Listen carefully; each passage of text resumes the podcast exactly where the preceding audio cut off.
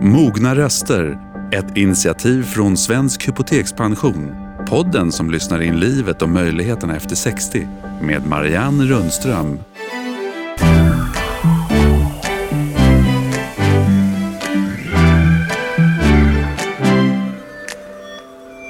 Ja, hösten är här och det är mogna röster också. Idag med en av de mest älskade svenska rösterna vi har. Och säger jag också gotländsk dialekt, ja då råder det nog ingen tvekan. Då vet ni att det strax är dags för en önskegäst. Babben Larsson. Och hon kommer faktiskt med en nyhet som kanske en del av er kommer att beklaga. Och möt idag också en verklig makthavare när det gäller inredning. Det räcker nog med att jag säger elefanter på linnetyg eller färgsprakande gardiner inköpta nu eller kanske för hundra år sedan. Svensk Tenns inredning är lika aktuell när den kreativa ansvarige Tommy Bindefeld håller i trådarna nu som när Estrid Eriksson grundade företaget för snart ett helt sekel sedan. Hållbart är ledordet precis som det är för våra 60 plus-lyssnare. Och idag ska vi också börja och inleda en miniserie om det digitala livet. Över en miljon befinner sig i ett digitalt utanförskap och kan till exempel inte beställa en resa eller boka en läkartid på nätet. Utan bank-id finns man nästan inte i det moderna Sverige. Och vi hoppas kunna ge er lite vägledning och hjälp, för många oroas för att bli lurade eller bortkollrade på nätet. Så varmt välkomna att vara med oss i detta septemberavsnitt. Ja, kan man få ett finare bevis på att det man gör spelar roll än att få pris för förmågan att göra Sverige gladare? I somras så kunde Babben Larsson ta emot det ärofyllda Lisebergspriset och nu är du här. Varmt välkommen och grattis, grattis, Tack. grattis! Tack. För jag tänker, håller man på som komiker så kan man väl inte få något mera ärofyllt? Nej, det är eh, väldigt stort måste jag säga att få Lisebergsapplåden. Det, det rankar jag nog. Eh, jag har ju även fått Karamellodiktet och jag tycker de, eh, det är riktigt, riktigt tunga priser i min värld. Ja. När kom du på att du hade den där begåvningen? Att du kunde just göra människor gladare? Fem, sex års åldern kanske.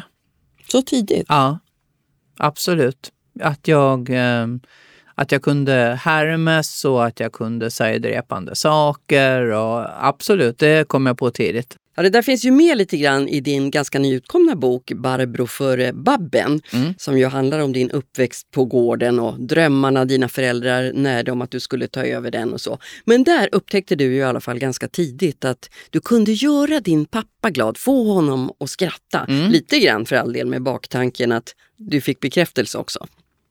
Jag var ju eh, väldigt eh, hungrig efter bekräftelse eh, för att det fanns inte så mycket sånt i mitt föräldrahem. Så det gällde att hitta de här sätten som man kunde bli uppskattad på. Och innan plugget och, och när det visade sig att jag ändå var ganska duktig i skolan så var det mycket att eh, antingen vara väldigt, väldigt duktig med någon uppgift man fick hemma, plocka sten eller gallra eller vad det nu kunde vara. Eller också att eh, få just den här, att få pappa och eh, kasta ett uppskattande ögonkast över matbordet på en för att man hade sagt något eh, kul. Ha- Han och jag hade precis samma humor så eh, jag, jag har liksom gått i hans fotspår kan man säga. Men är det där ett mänskligt behov tror du? Att få bekräftelse? Att... Det är jag helt säker på. Vi är ju inga solitärer utan vi, vi behöver nog tillhöra grupper och få uppskattning för dem vi är och kunna bidra. Eh, Så att jag är rätt säker på att barn tidigt, om det inte är gratis så hittar man sätt att få det. Det tror jag. Och får man inga pluspoäng då kan man börja samla minuspoäng. Det är också en typ av Ja. bekräftelse. För poäng måste vi ha. Så eh, jag tror att det är en väldigt, väldigt eh, djup instinkt i oss att, att vi blir bekräftade av våra föräldrar. Det, det pratas ju mycket om den här betydelsen av anknytning till exempel. Det är ju också den här första bekräftelsen att modern och fadern ser på barnet och liksom ger den trygghet att ja, vi kommer att ta hand om dig. Och eh, hur det kan ställa till när inte det finns. Det blev ju den där roller som du har haft hela ditt liv faktiskt. Senast nu i helgen så var det premiär på En mot Sverige. Och där du fortfarande har en sån ledande roll. Så du, du är fortfarande liksom på G med den här bekräftelsen. Men vad gör den med människan? Jag vet inte riktigt. Jag försöker att inte låta varken kändisskap eller pengar blir det som, som eh, och det har det heller aldrig varit. Visst, jag ville absolut ha, ha mycket bekräftelse när jag var yngre, men när jag väl har fått det så känner jag väl idag att det har verkligen lugnat ner sig. Det, det kommer nog bli tufft så småningom när jag slutar jobba helt. Men eh, alltså jag såg någon som var senior advisor som, som pratade på Instagram just om här att med åldern så man hamnar i ett läge want less. Alltså man kan också bekräfta sig själv på ett annat sätt och klappa sig själv på axeln och säga du måste inte springa på varje boll, du måste inte hålla dig framme på varenda grej. Liksom.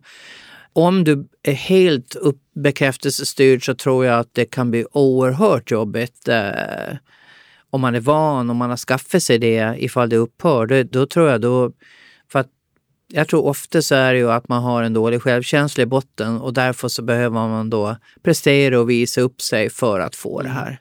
Jag stannar lite vid det där för jag, jag tänker att väldigt många av våra lyssnare mm. som är 60 plus, ja. många har lämnat yrkesliv där man ändå blir uppmärksammad mm. och blir bekräftad i nästan allt man gör. Det kan ju mm. vara negativt också i och för sig. Oh men, ja, oh ja. men, men, att eh, när det upphör helt, alltså du säger att du funderar lite på det där, men vad, vad händer med oss då? Alltså, vad, hur kompenserar jag, man det? Jag tror att, eh, jag tror, min plan är ju när den här offentliga karriären tar slut så är det nog att självbekräfta mig och göra de här sakerna som jag har lovat mig själv med när jag jobbade lite för hårt för att hinna.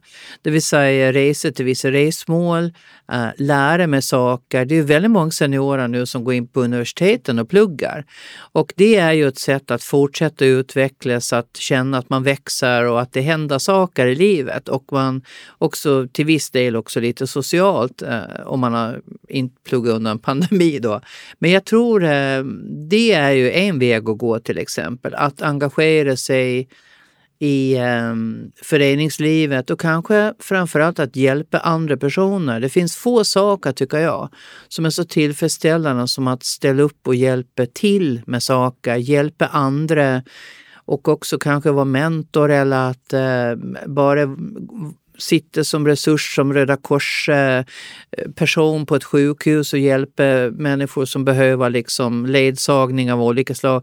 Det finns många sådana stolar att fylla faktiskt för, för äldre och även de här pensionärspolarna där man uh, går ut och jobbar i andra eh, personers trädgårdar och hjälper till och liksom om man ändå har krafterna kvar. Du verkar kvar. ha framtid verkligen, alltså, måste jag säga. Men, men det blev ju Babben med hela svenska folket och, och vi ser det hela tiden. Vi hör det i parlamentet, vi ser det mm. i, på minuten och tvärtom var det väl i och för sig. Men, mm. men, och du finns på väldigt många tv-program. Du är lite av vår stora underhållningsdrottning faktiskt. Okay. Men en scen ska du faktiskt kliva ner ifrån nu mm. och det är standup-scenen. Ja, stämmer. Varför mm. det? Jag har gjort det i 34 år. Och eh, jag var borta i och för sig en period när jag var utbränd också. Då kunde jag inte jobba med det. För det var den, den frekvensen, det området som var utbränt. Då fick jag göra andra saker.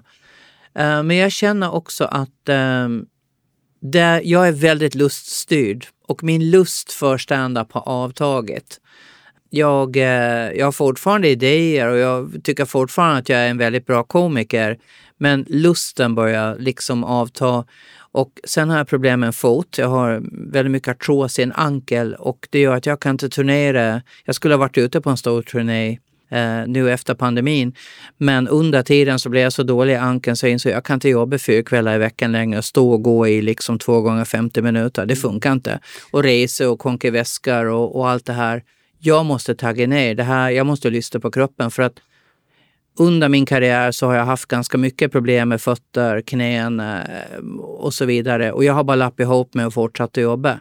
Ibland har jag jobbat på sparkcykel för jag kan inte ens stödja på foten. Jag har liksom jag har verkligen varit en workaholic. alltså, workaholic, vilket bra begrepp! Ja, jag har verkligen kört över mig själv eh, hur mycket som helst hälsomässigt och nu går det inte längre utan nu måste jag låta den här foten få bestämma hur mycket jag står och går och då ryker standupen. För att kan jag inte göra det två, tre gånger i veckan, då tycker inte jag att jag håller mm. det flow och den kvalitet som jag vill ha som komiker. Det där känner ju många igen sig när man kommer upp i åldern, att mm. kroppen sätter väldigt ovälkomna begränsningar. Men du har ju egentligen trilskats med din kropp nästan hela livet. Ja. Jag tror du beskriver i boken hur du är 13 år Mm. första gången när du började ja, bråka med din vikt helt enkelt. Ja, helt enkelt. Kriget mot vikten Ja. som sen har förföljt dig. Mm. Alltså hur har du förhållit dig till en kropp som har egentligen gjort saker som du inte har velat hela din karriär?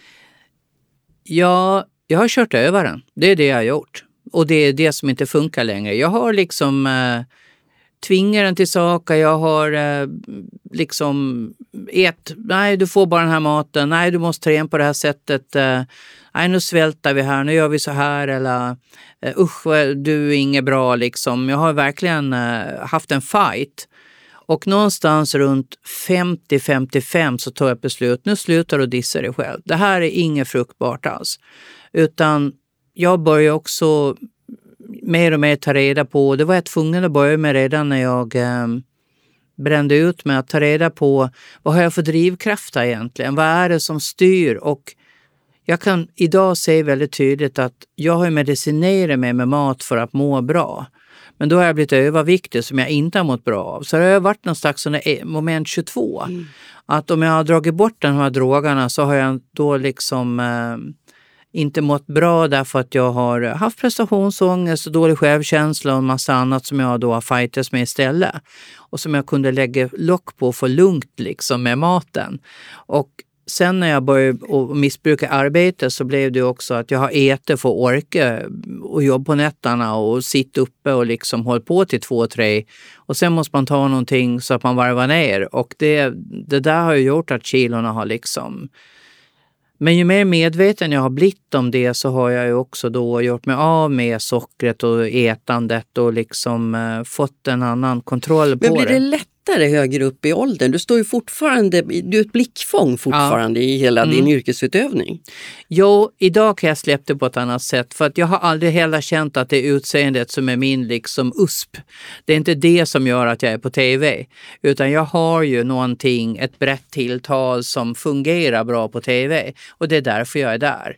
Jag är rolig, jag är, jag är ganska snabb i tanken, jag har en bra närvaro i kameran och allt det här gör att jag får TV-jobben tror jag. Det är inte att jag är smal och snygg. Så på det sättet så är det himla skönt faktiskt för att jag hör ju nu kvinnor som redan nu som är i 40-45 års ålder. Nej, jag står inte ut med att se mig själv på tv längre för att jag håller på att åldras. Ja, jo, men hur, hur hade du tänkt undvika det?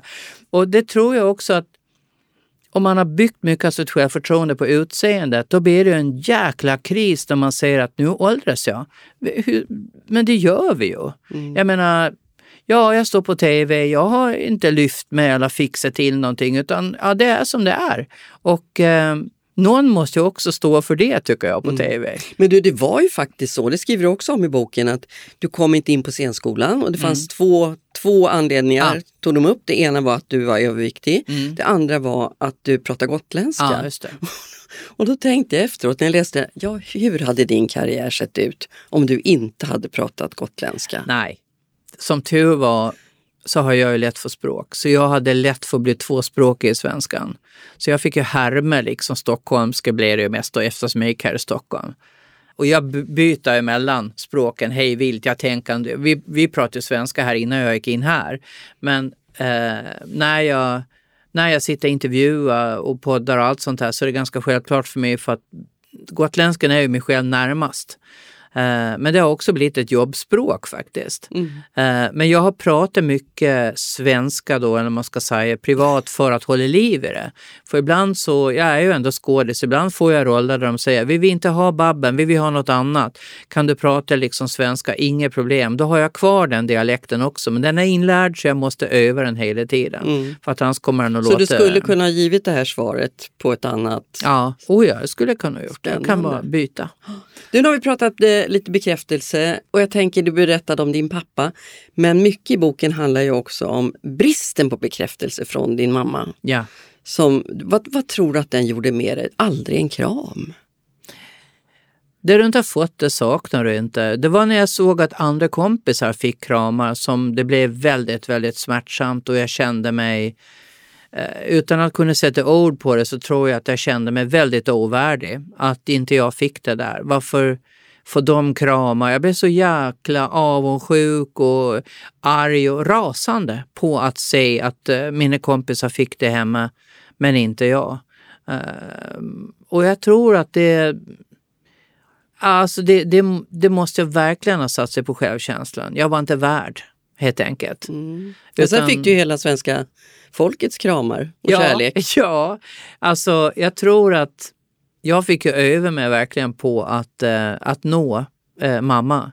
Och det har hjälpt mig också att nå ut eh, och kommunicera utåt. Mm. Jag, blev, jag fick öva. Ni gjorde det till slut också. Du, du skriver om hur du på hennes dödsbädd tar upp det här samtalet och hon säger att hon vet att hon kanske inte har varit en bra mamma för dig och din syster. Men kan man försonas?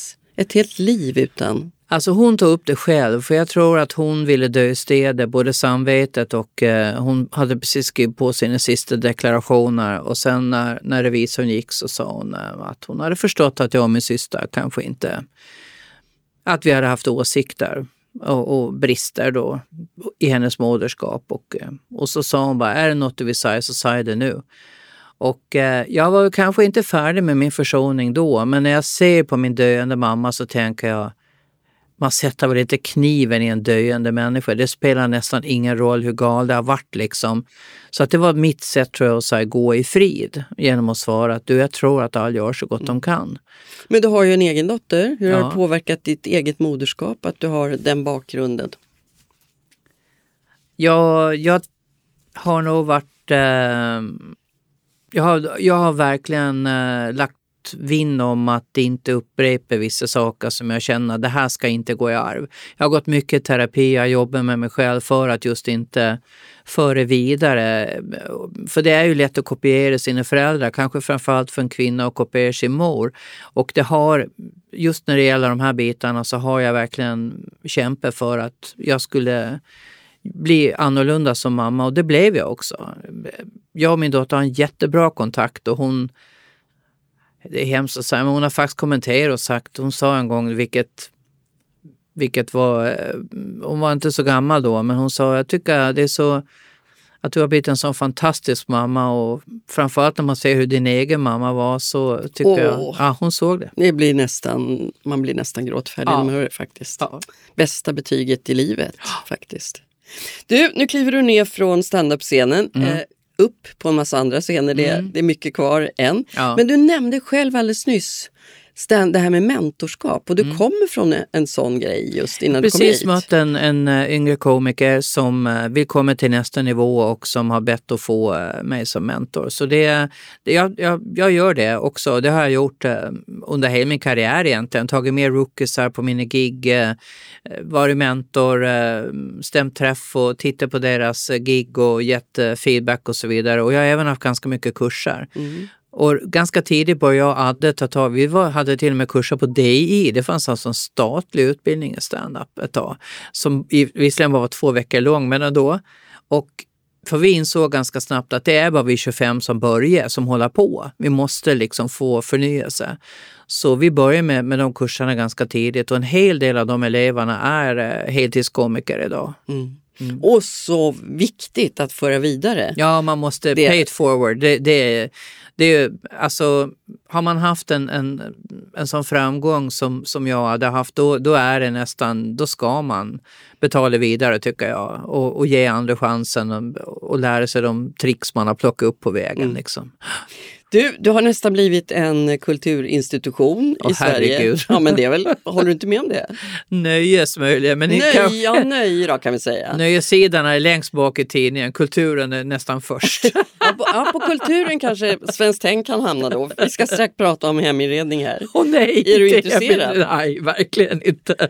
Och jag som tänkte säga grattis till dig för jag vet att du har lyckats bra i dejtingvärlden och du har lyckats få en hantverkare på ja, kroken. Det har jag. Jo, det har Alla jag. svenska kvinnors stora mål. ja, det kanske det är. Ja. Det här skedde väl lite av en slump faktiskt. Men eh, ja, det, jag träffade en kille och han visade sig vara hantverkare. Ja. ja. Mm. Men någon heminredningsgrej är det inte frågan om för dig med den det intresset är inte så stort. Det är inte så stort. Jag, jag gillar att plocka lite udda möbler. Jag har någon afrikansk byrå som, som nattduksbord. Jag har en jätteorange sammetssoffa i vardagsrummet på landet. Jag, jag är bra på att plocka de här verkligt udda grejerna men jag, helheten är jag värdelös på.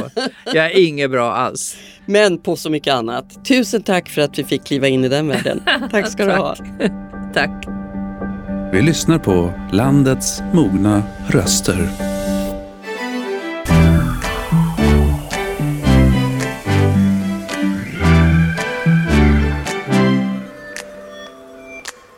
Ja, i snart hundra år så har Svenskt Tenn inrett svenska hem. Ni vet de där klassiska stormönstrade färgrika gardinerna, de pösiga sofforna och de vackra underläggen som förskönar middagsborden. Och aldrig tröttnar man, trots att det sett ungefär likadant ut i butiken i alla år. Och sen 14 år är det Tommy Bindefeld som är kreativt ansvarig. Hur förenar man egentligen bevarandet av det klassiska med nödvändigt nytänk? Det är jättekul att ha dig här. Verkligen välkommen. Tack så hemskt mycket. Det är väldigt kul att vara här och hedrande att få vara med. Hösten är här och Ja. eh, det kräver ibland en del nytänkande. Vi boar in oss och så förändrar vi lite grann där hemma. Ja. Hå- Håller du på med något? Nej, inte så mycket. Jag försöker bli färdig i trädgården och eh, rensa upp i växthuset och ja, lite så än så länge. Plocka äpplen gjorde jag hela helgen. Ja, just det. De ska, must, de ska mustas om några veckor. Du, I väldigt många hem så finns ju de här klassiska mönstren från Svenskt Tenn. Men vad fanns det för utmaningar för dig när du tog det här jobbet för 14 år sedan? Då? För man, man ändrar ju inte på en vinnande häst. Nej, Nej jag, jag har ju då jobbat i detaljhandel i, i eh, typ nästan 20 år innan jag började på Svenskt Tenn. Och i normal detaljhandel så är allting väldigt eh, går allting väldigt snabbt. Eh, det ska in nya kollektioner och säljer det inte så går det på rea och så kommer det en ny kollektion och så är det, det är en otrolig hastighet och så ska det snabbt, snabbt, snabbt ska det fram nya saker och man ska följa alla trender. Men Svenskt Tenn har ju liksom en en mycket mycket mera långsiktighet och en mycket mera långsiktigt sätt att arbeta. Och vi har ett historiskt arv att förvalta och vi har, eh, eh, ska göra det på ett samtida sätt. Så att kombinera det här och förstå den här lite långsammare eh, takten men ändå göra saker så att det uppmärksammas och att det eh, känns som nytt. Det, det var nog den stora utmaningen. Du kom från indiska då, som Ja, ju var- också faktiskt har satt Ja. Mm. sin prägel på mycket av svensk eh, heminredning. Ja. Nu har du passerat 60. Var det där en bra ålder att eh, ta rodret i en sån anrik skuta? Eh, var det en bra ålder? Ja, det kanske det var. Jag vet inte om det, om det har med ålder att göra egentligen. Jag hade lagom med erfarenhet tycker jag. Jag kände att jag, jag visste vad jag kunde. Jag hade valt en väg. Och eh, tyckte, ja, nej, jag, jag ty, ja, det var ju bra då. Ja, det har uppenbarligen gått Uppenbarligen bra. var det bra.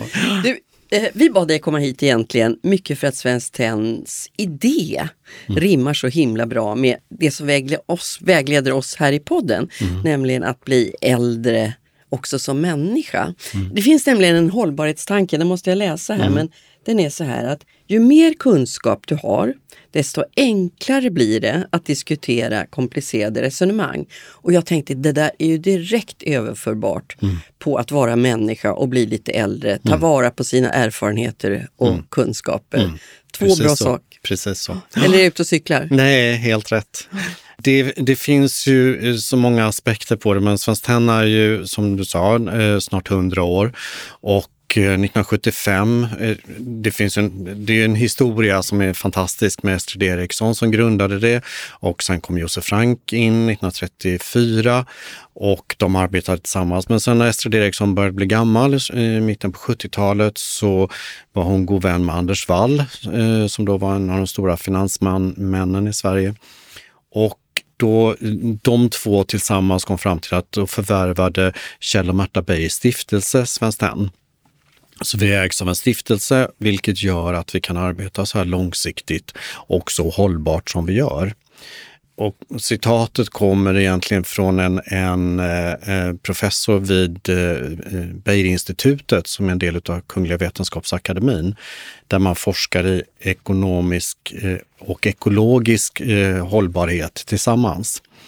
Och den finns i det som vi tog fram för några år sedan som är en hållbarhetsskrift som, som förklarar hur vi arbetar med hållbarhet. Mm. Men det är fantastiskt. Estrid Eriksson tänkte de här tankarna för hundra år sedan, 1924 ja. grundade hon företag. Ja. Och hon, skulle hon känna igen som hon kom in i butiken idag?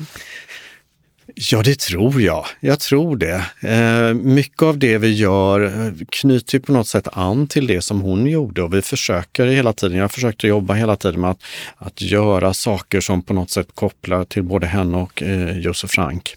Så jag tror det. Jag, jag brukar känna att, äh, att ja, men hon skulle nog uppskatta det här. Hon, mm. hon skulle nog tycka att det var... Men alltså var, var, hon exceptionellt modern? Också i sitt samarbete med Josef Frank då, som hade de här tankarna som... Alltså det är väldigt många av våra gäster som har varit här och pratat om hållbarheten och låtit mm. nytänkande. Mm. nu. Mm. Och så tänkte hon det här för hundra år sedan. Mm. Hon var ju väldigt modern för att hon arbetade med det moderna materialet tenn och att hon startade med allt det här. Sen kan man ju tycka att hon var modern 1933-34 när Josef Frank kom till Sverige. Att ta in en, en, en eh, judisk, han var ju inte flykting i, i flyktingbenämningen, men han, han lämnade ju Österrike på grund av antisemitismen.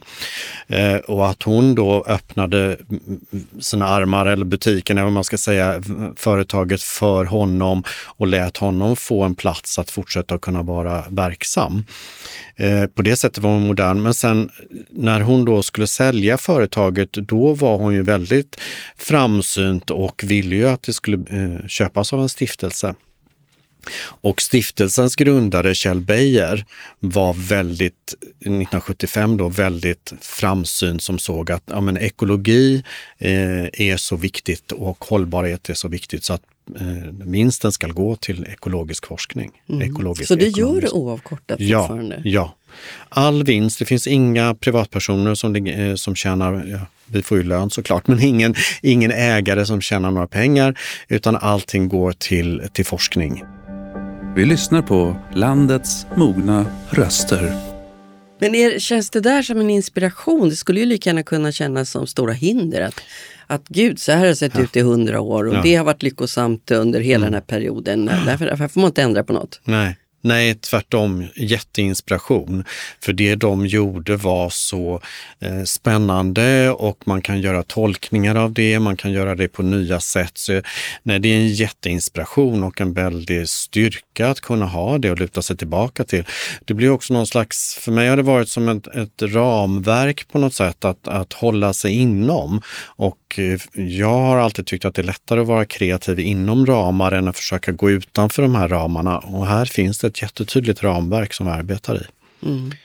Och det uppstår nya behov. Jag tänker på de här, som, mina barn är vuxna nu, mm. men de hade ju alla de här små, du vet kuddar med Estrid Erikssons elefanter ja, på. Ja. De, ju, ja, de ja. finns ju överallt.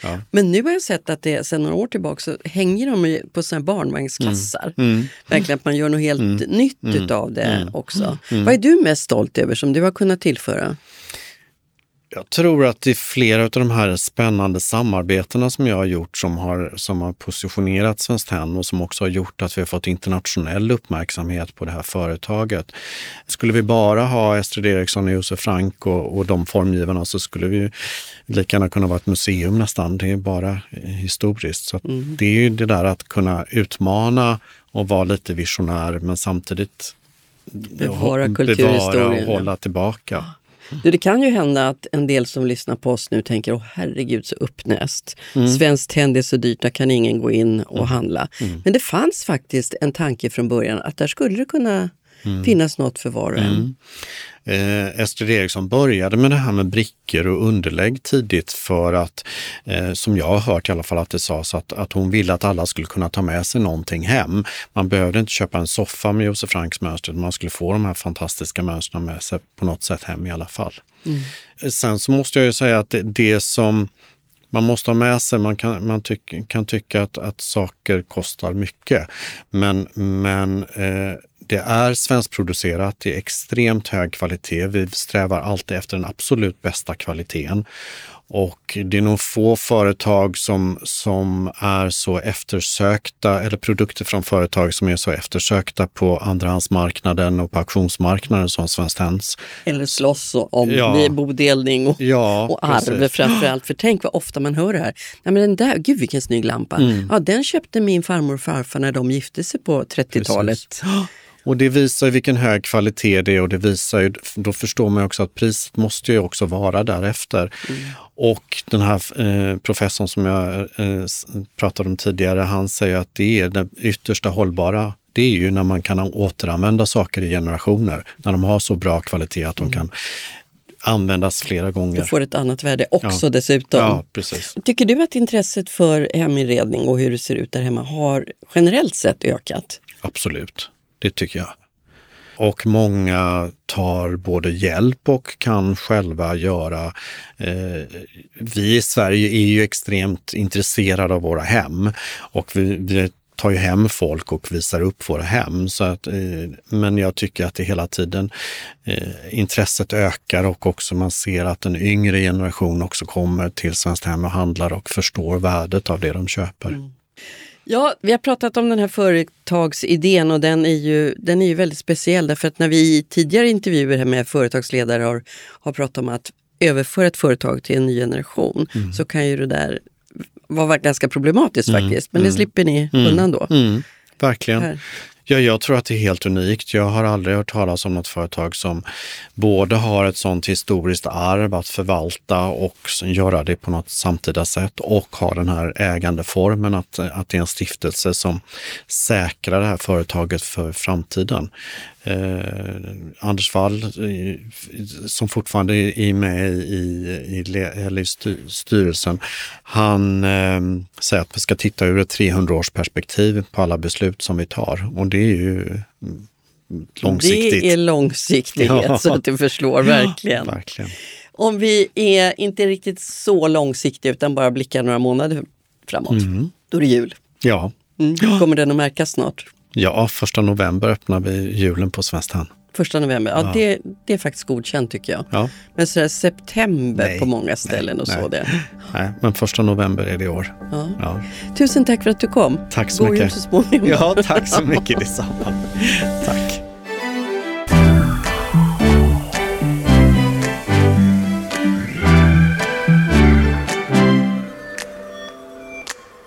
Ja, kära lyssnare, idag så drar vi igång en liten serie här i Mogna röster om den digitala verklighet som bara växer och som många är helt beroende av. Men där finns också ett stort problem med digitalt utanförskap, ofta kopplat till lite äldre människor som känner oro för att till exempel handla på nätet eller finnas med i sociala medier.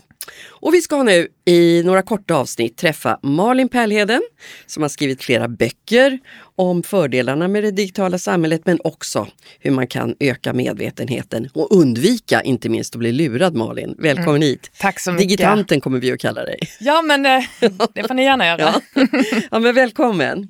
Tack. Du, inte minst under pandemin så blev det ju väldigt tydligt vilken oerhörd nytta vi har och kan ha utav de mm. digitala hjälpmedlen.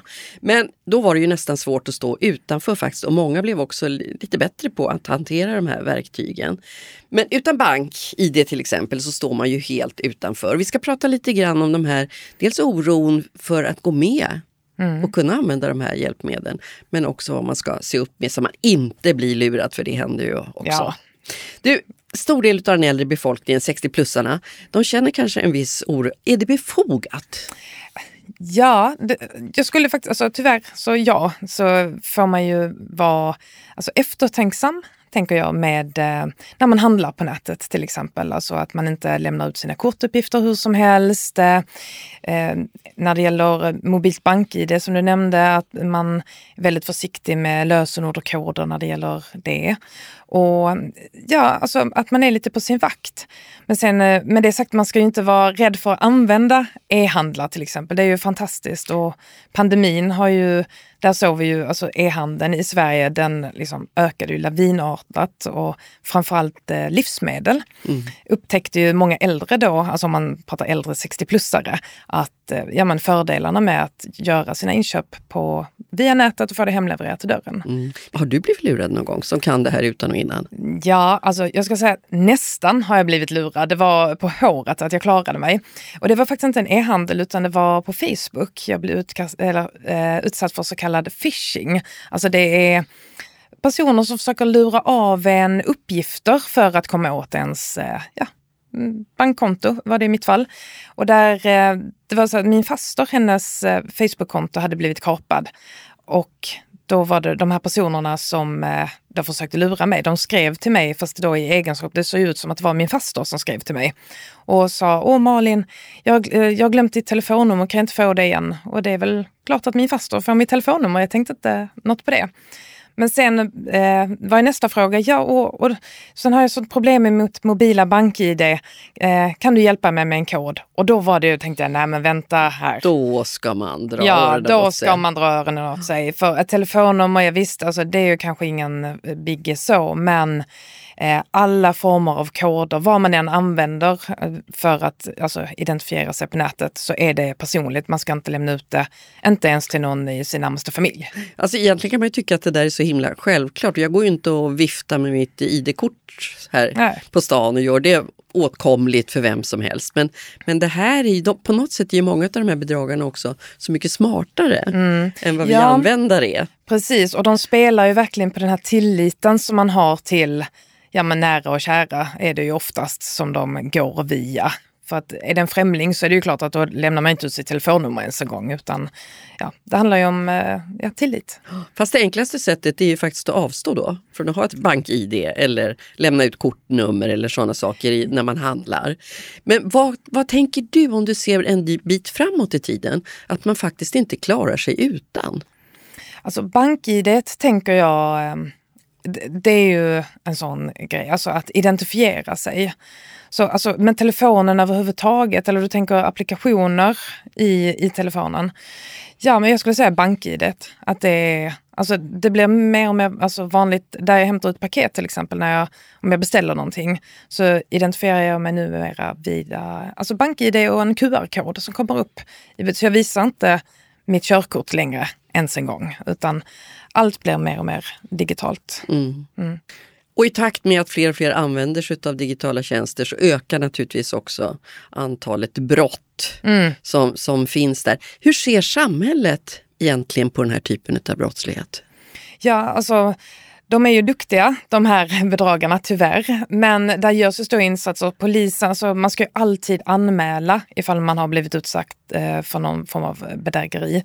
Och också att man ska kontakta sin bank. Och jag brukar säga det, hellre en gång för mycket än för lite. Till exempel så eh, finns det många bedragare som skickar ut eh, e-post där det ser ut som att det kommer från ens bank och så står det ja, vi behöver komplettera ditt kontonummer med någon form av uppgifter då. Och så är det bankens logga och man ska klicka någonstans.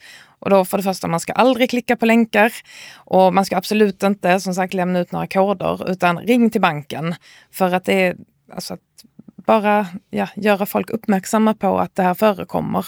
Det tror jag det är det enda sättet att vi enas runt det för att göra det säkrare. Mm. Mm.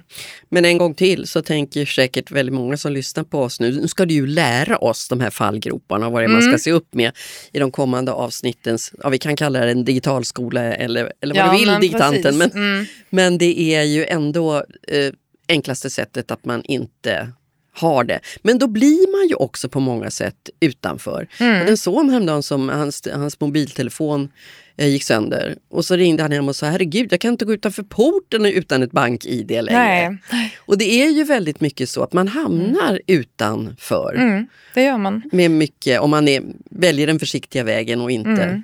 Ja, och samma sak eh, gäller ju Swish till exempel, alltså betaltjänsten.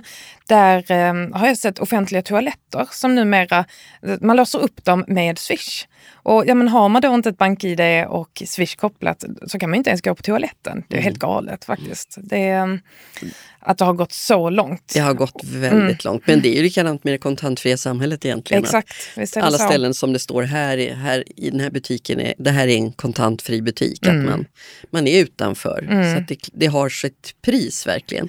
Nu pratar vi mest om hur man blir lurad här men, men det finns ju också så otroligt mycket positiva saker Det gör det. när det gäller socialt liv inte minst. Alltså, det ska du prata om i nästa avsnitt, sett, sociala medier. Just det. Och ja, framförallt pandemin har ju också öppnat många dörrar där. Om man tittar i samhället idag så har vi ju stort, eller ett växande problem med ofrivillig ensamhet bland äldre. Och där är det, när man, nu när pandemin har ju då skyndat på digitaliseringen för många, så att man har faktiskt börjat eh, kanske ha videosamtal eller eh, öppnat ett konto på Instagram för att kunna följa liksom, familjen. Och att tittar man då på de som är 76 plus, då är det faktiskt den enda gruppen som säger, alltså med överväldigande majoritet, att eh, vi är mer sociala i vår digital, alltså när vi har en digital närvaro. Och det är fantastiskt för att det är nya personer eh, in i digitala. Va- Varför sa du just 76 plus? Va- Det, jag, ja, när, man, eh, pratar, eller när jag pratar om det här så har jag tittat på en undersökning som heter Svenskarna och internet som är den största eh, kartläggningen av våra internetvanor i Sverige. Och där, om man tittar på eh, 65 till eh, 76, alltså det är en åldersgrupp. Så man har pensionärer och så en bit in liksom, i pensionärslivet och sen är gruppen efter det. Så är det en stor skillnad. Medan, alltså, om man tittar på ja, 65 till 76, där är det 90 procent är digitala. Man, är, alltså man känner sig bekväm om, om man är igång. Men sen 76 plus, där händer någonting. Där är ungefär en tredjedel som inte är på nätet överhuvudtaget. Kanske till och med så att många av de där var aktiva i yrkeslivet väldigt nyligen. Exakt. Och då hade man att göra med, med alla de här verktygen. Mm. Men hur ska man då göra för för att få de som känner ett motstånd med på tåget? För det finns ju ändå så mycket fördelar och så mycket nackdelar Mm. med att inte vara digital 2022. Ja. Jag tror man ska börja försiktigt. Om man känner sig väldigt skeptisk så behöver man kanske inte börja med att swisha utan man kan börja med något socialt medie. Eh, säg Instagram till exempel. Där är det ju ändå många som, alltså det är både många i ens egen generation och många om man säger ens barn och barnbarn. Om de inte är alltför unga för då är det ju TikTok och eh, Snapchat som gäller. Men om man har barnbarn i tonåren så, så är det, kan det vara jätteroligt att följa deras vardag på Instagram. Så där skulle jag börja. För där Tycker är- inte barnen. Nej, det, det är precis. Den är kanske mm, mer tveksam. Men där, eh, jag tänker på Instagram, det, det kostar ingenting. Man kan ha en privat profil om man vill det så att det inte är någon främling som kan följa en om man inte själv godkänner det. Där hade jag börjat i det, i det mer lekfulla. Mm. Lekfulla, men alltså det finns ju också en, nå, många tillfällen när man kan känna sig lite bortgjord eller att det här fattar inte jag. Inte minst alltså de, alla de begrepp som florerar på sociala medier. Ja, ja, det finns ju hur mycket som helst. Och det är ju faktiskt en eh, stor del av problematiken nu att det, ja, men när man tittar på tv eller lyssnar på radio att det förekommer många ord som man kanske aldrig har hört. Och det Har du något sånt bra exempel? Ja men AFK, vad betyder det? Vet du det? AFK? Ja. Nej, inte en aning faktiskt. Och då är jag ändå rätt mycket på sociala medier. Away from keyboard. Aha, borta betyder- från tangentbordet. Exakt. Om du skriver med någon och så tänkte du nej men nu ska jag gå och göra lite kaffe. Då skriver du AFK så behöver du inte förklara något mer. Då vet den andra personen att ja, men hon kommer snart tillbaka. Ja, Ja. Nu kommer det snart kaffe, så Ja. kan man också uttyda det. Du har väldigt mycket Malin att eh, förklara och lära oss och, eh, och hur vi ska undvika fallgroparna och vilka fördelarna är. För det har väl ändå blivit tydligt, inte minst under pandemin, att Absolut. det digitala livet är, kan tillföra så mycket. Så vi ser fram emot att höra dina skolor. Tack så mycket. Ja. Jag ska göra mitt bästa. Ja. Mogna röster, ett initiativ från Svensk Hypotekspension. Vi sätter punkt för idag. Nästa gång ni hör oss så hör ni också den första lilla skolan in i det digitala livet. Podden Mogna röster är ett initiativ av Svensk Hypotekspension. Jesper Tillberg är producent. Jerker Adervall stod för ljudet och Oliver Börnfeldt för ljudmixen. Och sista fredagen i oktober, ja då hör vi av oss igen med ett nytt avsnitt. Hej då!